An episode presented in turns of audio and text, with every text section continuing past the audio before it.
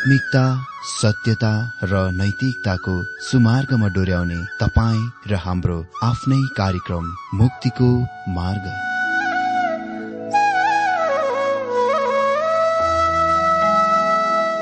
आदरणीय श्रोता यस मुक्तिको मार्ग कार्यक्रममा हार्दिक स्वागत छ। आशा छ यस आत्मिक कार्यक्रमद्वारा जीवनमा आत्मिक आशिष अलौकिक शान्ति र आनन्द प्राप्त गर्नुहुनेछ। र जीवनमा धन्य अनुभव गर्नुहुनेछ। आउनुहोस् श्रोता मन र आत्माको तयारीको लागि यो मिठो अनि मधुर भजन गीत सुनौ।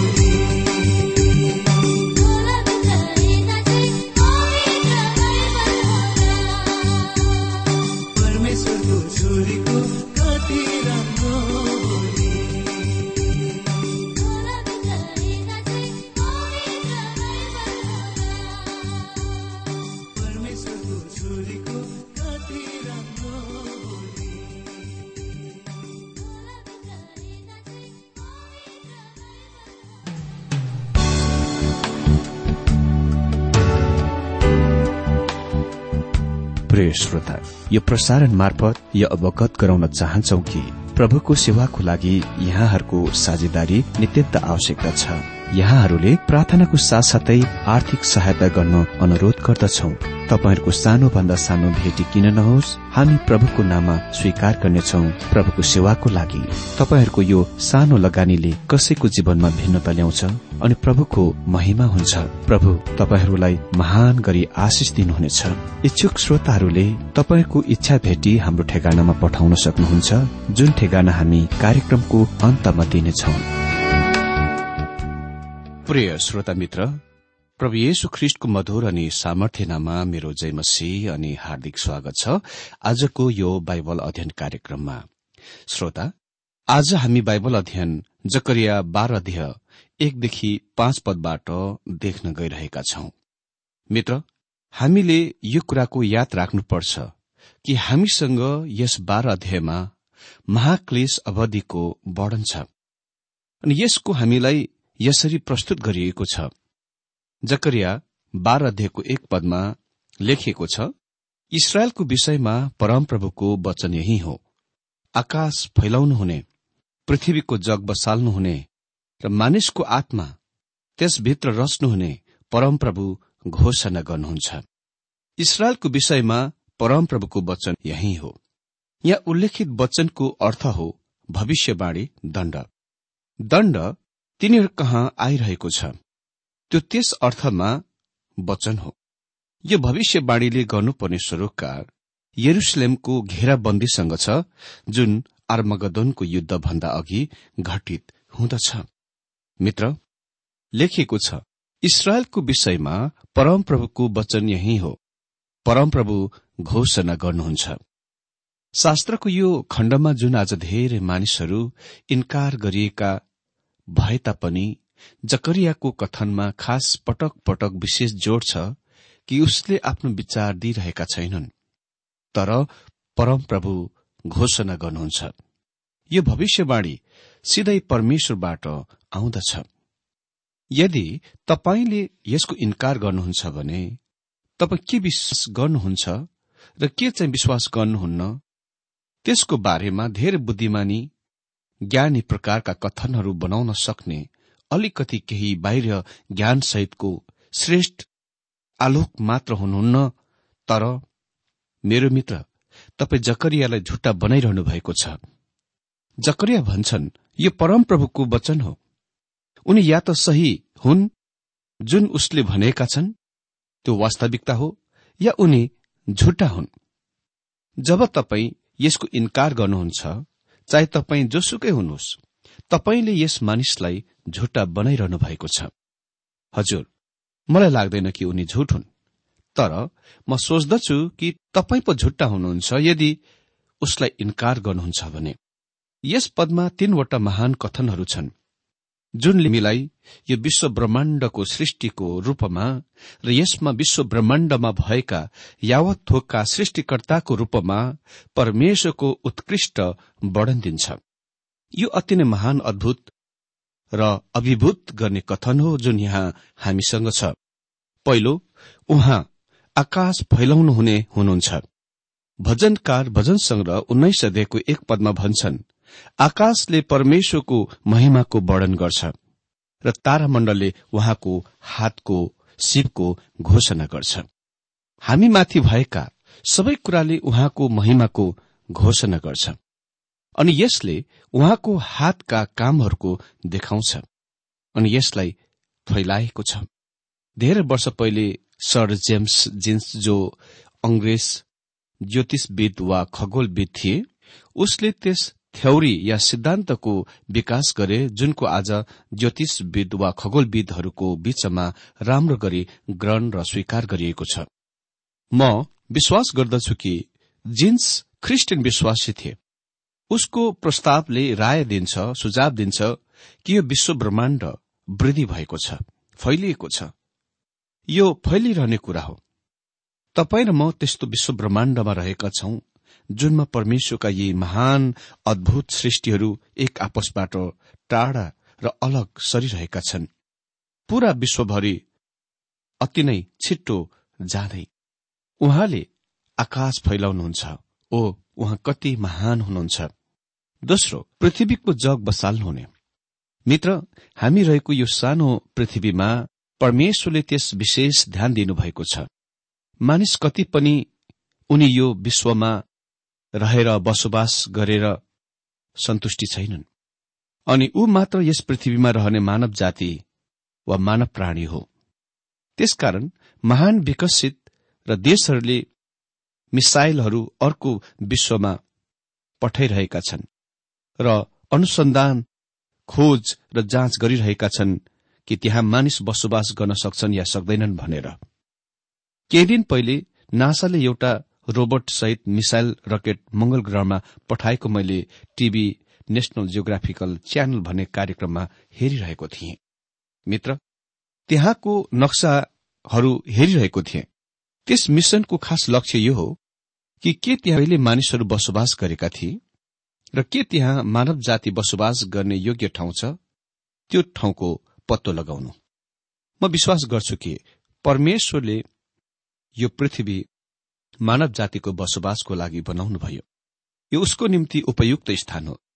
अनि तेस्रो यो चाहिँ सबभन्दा उल्लेखनीय कुरा हो मानिसको आत्मा त्यसभित्र रच्नुहुने परमप्रभु घोषणा गर्नुहुन्छ। मित्र पृथ्वीमा भएका कुनै पनि अन्य कुराहरूबाट मानिस अलिकति भिन्नै वा अलगै हो। पृथ्वीमा हुने वा भएका प्रत्येक कुराहरूभन्दा माथि उहाँ हुनुहुन्छ श्रेष्ठ हुनुहुन्छ। उहाँ स्वर्गीय प्राणी स्वर्गीय दूतहरूभन्दा महान श्रेष्ठ हुनुहुन्छ। उहाँको बराबरी केही र कोही पनि छैन। म सोच्दछु कि विश्व ब्रह्माण्ड आज परमेश्वरको सृष्टि गरिएको स्वर्गीय प्राणीहरूले भरिएका छन्। मेरो मतलब किन कि मंगल ग्रहहरूबाट मानिसहरू छन्। अहिले वैज्ञानिकहरूले पत्ता लगाए कि त्यो त्यस्तो प्रकारको स्थान हो जुन बस्न वा बसोबास गर्नलाई लायक कति पनि स्थान छैन। यद्यपि हामी त्यस्तो ब्रह्माण्डमा रहेका छौं जुन यस्तो देखिन्छ कि त्यसमा कुनै बसोबास छैन। त्यहाँ कोही रहँदैनन्। मलाई लाग्दैन कि परमेश्वरसँग कहीँ कतै झुण्डिरहेको यहाँ जग्गा खाली छ भनेर लेखेको सूचित पार्टी वा कागज छैन। म विश्वास गर्छु यदि तपाईँ हाम्रा सौर मण्डलबाट बाहिर कहीँ कतै अर्को नक्षत्रमा वा विश्वमा ब्रह्माण्डमा जानुभए तपाईँ यो ब्रह्माण्डमा परमेश्वरले सृष्टि गरिएका स्वर्गीय प्राणीहरू छन्। यो कुरा देख्नुहुनेछ। तिनीहरू आत्मिक प्राणीहरू हुन्। र हाम्रा जुनसुकै महान शक्तिशाली अत्याधुनिक क्यामेराले तिनीहरूको फोटो लिन सक्दैन। ओ यो पदले सृष्टिकर्ताको रूपमा परमेश्वरको कस्तो महिमित तस्विर दिन्छ। धेरै वर्ष पहिले उहिले चाहिँ त्यहाँ अनेक बहुदेव देवतामा आस्था राख्ने बहुदेव पूजकहरू थिए। तर तिनीहरू एकजना पनि क्रम विकासवादी वा नास्तिक परमेश्वरमा विश्वास नगर्ने थिएनन्। तिनीहरूले विश्वास गर्थे कि सृष्टिकर्ता हुनुहुन्थ्यो र तिनीहरूले विश्वास गरे परमेश्वरले विश्व ब्रह्माण्ड सृष्टि गर्नुभयो र उहाँ यसलाई छोड्नु भयो उहाँले यसको बारेमा भुल्नुभयो तर यो पदले प्रकट गर्छ परमेश्वरले विश्व ब्रह्माण्डलाई छोडेर जानु भएन। यसले यो कुराको प्रकट गर्दछ कि परमेश्वर आफ्नो ब्रह्माण्डमा साथै यसबाट बाहिर हुने कुरामा पनि उहाँको स्वाभाविक उपस्थित हुन्छ वा उहाँ सर्वव्यापी हुनुहुन्छ। यस अनुच्छेदले स्वर्गीयमा र आकाशहरूमा परमेश्वरको महान क्रियाकलापहरूको चित्रित गर्छ। साथै उहाँ हामी रहेको यो विशाल ब्रह्माण्डमा उहाँका क्रियाकलापहरूको चित्रित गर्छ। तर म त्यस्तो विश्व ब्रह्माण्डमा रहेको छु जुन ऊर्जाले भरिएको छ। हामी रहेको यो सानो विश्वमा मानिसले नै ऊर्जाको खाली गरेको छ रित्तो गरेको छ। म सोच्दछु परमेश्वरले यहाँ तबसम्मको लागि पृथ्वीमा प्रशस्त र पर्याप्त ऊर्जाहरू राखिदिनुभयो जबसम्म उहाँ त्यसको फेरि पुनः लिनलाई र सम्हाल्नलाई चाल चल्न तयारी हुनुहुन्न। अहिले यस्तो लाग्छ कि ऊर्जा स्रोतहरू बिस्तारै बिस्तारै घटिरहेको छ र एक दिन पूरै खत्तम हुनेछ। यो नै कारण म विश्वास गर्छु हामी यस युगको अन्ततिर बढ़िरहेका छौं। मित्र यहाँ हामी देख्छौ कि परमेश्वर यो ब्रह्माण्डको सम्बन्धमा अति नै निश्चित र सकारात्मक क्रियासँग काम गरिरहनु भएको छ। उहाँ नै एक हुनुहुन्छ जसले मानिसको आत्मा रच्नुभयो। उहाँ सर्वशक्तिमान सर्वज्ञानी हुनुहुन्छ। उहाँ बुद्धि र ज्ञान हुनुहुन्छ। भनिएको छ इसरायलको विषयमा परमप्रभुको वचन यही हो आकाश फैलाउनुहुने पृथ्वीको जग बसाल्नुहुने र मानिसको आत्मा त्यसभित्र रच्नुहुने परमप्रभु घोषणा गर्नुहुन्छ। दुई पद हेर म यरुसलेमलाई त्यसका चारैतिरका मानिसहरूका निम्ति धर्मराइदिने कचौरा तुल्याइदिनेछु यरुसलेमको साथै यहुदा घेरामा पर्नेछ। यरुसलेमलाई यो पदमा दुईपल्ट उल्लेख गरिएको छ। हामीले पहिले नै संकेत दिइसकेका छौं यरुसलेम यो बाह्र अध्यायमा मात्र दशपल्ट उल्लेख भएको छ। यहाँ यरुसलेम क्रियाकलाप एकदम केन्द्र स्थान भएको देख्छौ जुन क्रियाकलापहरू त्यसबेला स्थान लिनेछ। जब ख्रिष्ट विरोधीले शक्ति शासन आफ्नो हातमा लिन्छ यरुसलेम आक्रमणको र दण्डको केन्द्र बन्दछ। हेर म यरुसलेमलाई त्यसका चारैतिरका मानिसहरूको निम्ति धर्मराइदिने कचौरा तुल्याइदिनेछु। यो कहिले स्थान लिनेछ त्यसको पहिचान गरौं। यरुसलेमको साथै यहुदा घेरामा पर्नेछ। कहिले? त्यो कहिले हुनेछ त? अन्तिम दिनहरूमा त्यस दिनमा जुनलाई प्रभु येशु ख्रिस्टले महाक्लेश वा संकष्टको अवधि भन्नुभयो। त्यसकारण यो सम्पूर्ण खण्डको अर्थ खुलाई भविष्य दिनको लागि हो। तर हाम्रो निम्ति महान पाठ र महान सन्देश दिन गइरहेको छ। भनिएको छ दुई पदमा हेर म यरुसलेमलाई त्यसका चारैतिरका मानिसहरूका निम्ति धर्मराइदिने कचौरा तुल्याइदिनेछु। यरुसलेमको साथै यहुदा घेरामा पर्नेछ। अनि तीन पद त्यस दिन जब पृथ्वीका सबै जाति त्यसको विरूद्धमा जम्मा हुनेछ म यरुसलेमलाई सबै जातिहरूका निम्ति एउटा अटल चट्टान तुल्याइदिनेछु। त्यसलाई चलाउने सबैले साह्रै चोट पाउनेछन्। मित्र अर्को शब्दमा परमेश्वर भन्नुहुन्छ यरुसलेमसँग खेलबाड गर्ने काममा चलाउने काममा तिमीहरू चोट पाउन गइरहेका छौ। यहाँ उल्लेखित स्थान यरुसलेम विश्वको अरू कुनै अर्को ठाउँ स्थान वा सहर होइन। जब उहाँले यरुसलेम भन्नुहुन्छ उहाँको तात्पर्य यरुसलेम नै हो। यद्यपि परमेश्वरले यसको दशपल्ट यस अध्यायमा मात्र उल्लेख गर्नुभए तापनि हामी यसको पकड्न सक्दैनौ। कोही कोही टिप्पणीकार बाइबल विद्वानहरू कति पनि सन्देशको पाउँदैनन्। यरुसलेमको मतलब यरुसलेम हो। अनि जब उहाँले यहुदालाई यरुसलेमसँग राख्नुहुन्छ जोड्नुहुन्छ उल्लेख गर्नुहुन्छ उहाँ यरुसलेमको बारेमा कुरा गरिरहनु भएको छ जुन यहुदामा छ। भनिएको छ त्यस दिन जब पृथ्वीका सबै जाति त्यसको विरूद्धमा जम्मा हुनेछन् म यरुसलेमलाई सबै जातिहरूको निम्ति एउटा बोजिल चट्टान तुल्याउनेछु। अहिले यो अति नै अनौठो देखाइ पर्दछ। होइन र? यरुसलेम पुरानो सहर अरूबाट अलग राखिएको स्थान हो। वास्तवमा आज त्यो त्यति धेरै आकर्षक स्थान छैन। प्राकृतिक र भौगोलिक दृष्टिकोणले त्यो त्यति मनपर्दो स्थान होइन। तर किन यो स्थान अन्तिम दिनमा अति नै विशिष्ट र महत्वपूर्ण स्थान हुनेछ त। तपाईँ यसको कसरी वर्णन गर्नुहुन्छ? हजुर। त्यो सहर आज पनि ओजिल चट्टान बनेको छ तर हामीले यसको परिपूर्णता देखेका छैनौं। त्यसरी बोल्ने मूर्ख व्यर्थको कुरा हो। यो भविष्यवाणी त्यो कार्यक्रममा फिट हुन्छ जुन भविष्यमा छ।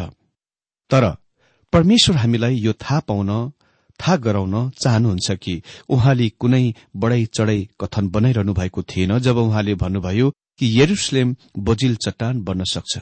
म विश्वास गर्दछु हामीले जुन कुरा देखेका छौं त्यो त्यस दिनमा हुने कुरा वा घटनाहरूको तुलनामा केही पनि होइन।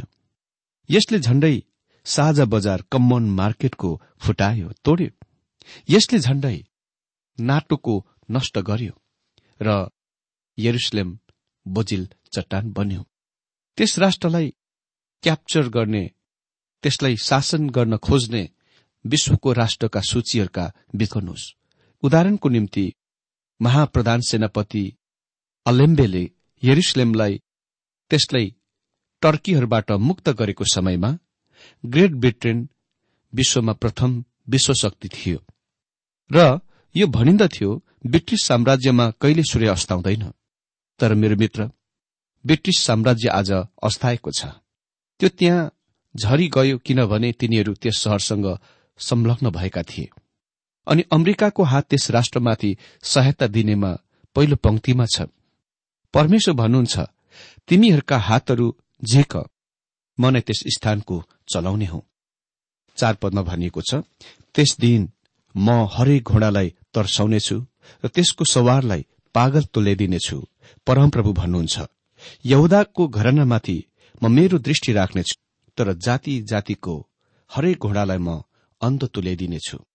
मित्र परमेश्वर फेरि भन्नुहुन्छ त्यस दिनमा यो पुस्तक हामीले सिध्याउनुभन्दा पहिले अघि या पटक पटक यो कथन उल्लेख भएको पाउनुहुनेछ।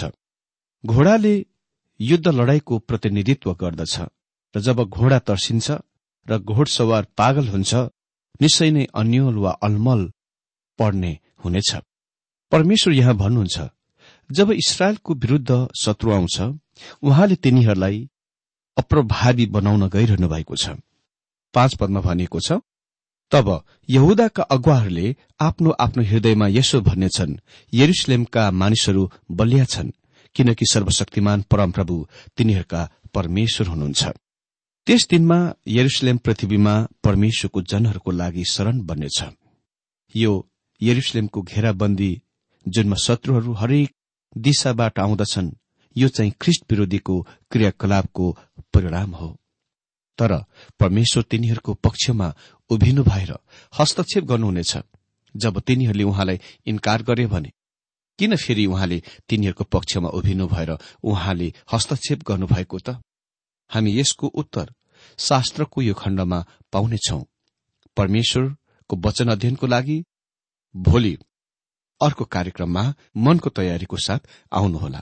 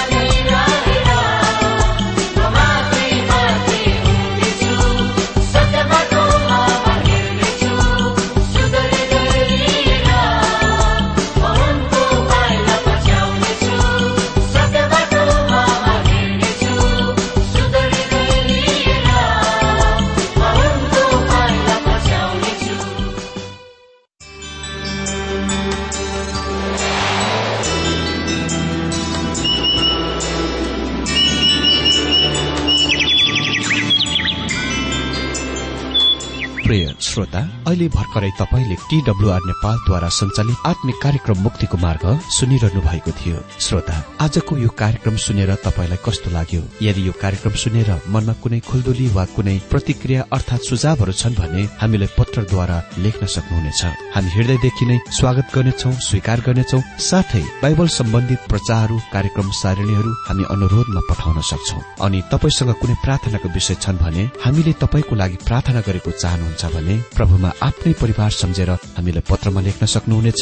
तपाईँको लागि हामी प्रभु येशुसँग प्रार्थना गर्नेछौ। अधिक जानकारी र पत्रचारको लागि हाम्रो ठेगाना यस प्रकार छ। कार्यक्रम मुक्तिको मार्ग जीपीओ नम्बर उनानब्बे पचहत्तर इपिसी पच्चिस एकसठी काठमाडौँ। ठेगाना एकपल्ट सुन्नुहोला। कार्यक्रम मुक्तिको मार्ग जीपीओ नम्बर उनानब्बे पचहत्तर इपिसी पच्चिस एकसठी काठमाडौँ। हाम्रो इमेल एड्रेस हो TWR Nepal at Yahoo dot com साथै यस नम्बरमा एसएमएस गर्न सक्नुहुनेछ। अन्ठानब्बे चार सत्तरी पैतिस छ सय उनासी नौ आठ चार सात जिरो तीन पाँच छ सात नौ। हुन्छ श्रोता आजलाई हामी विदा चाहन्छौ। अर्को कार्यक्रममा हामी पुनः भेट्नेछौ। तबसम्मलाई नमस्कार।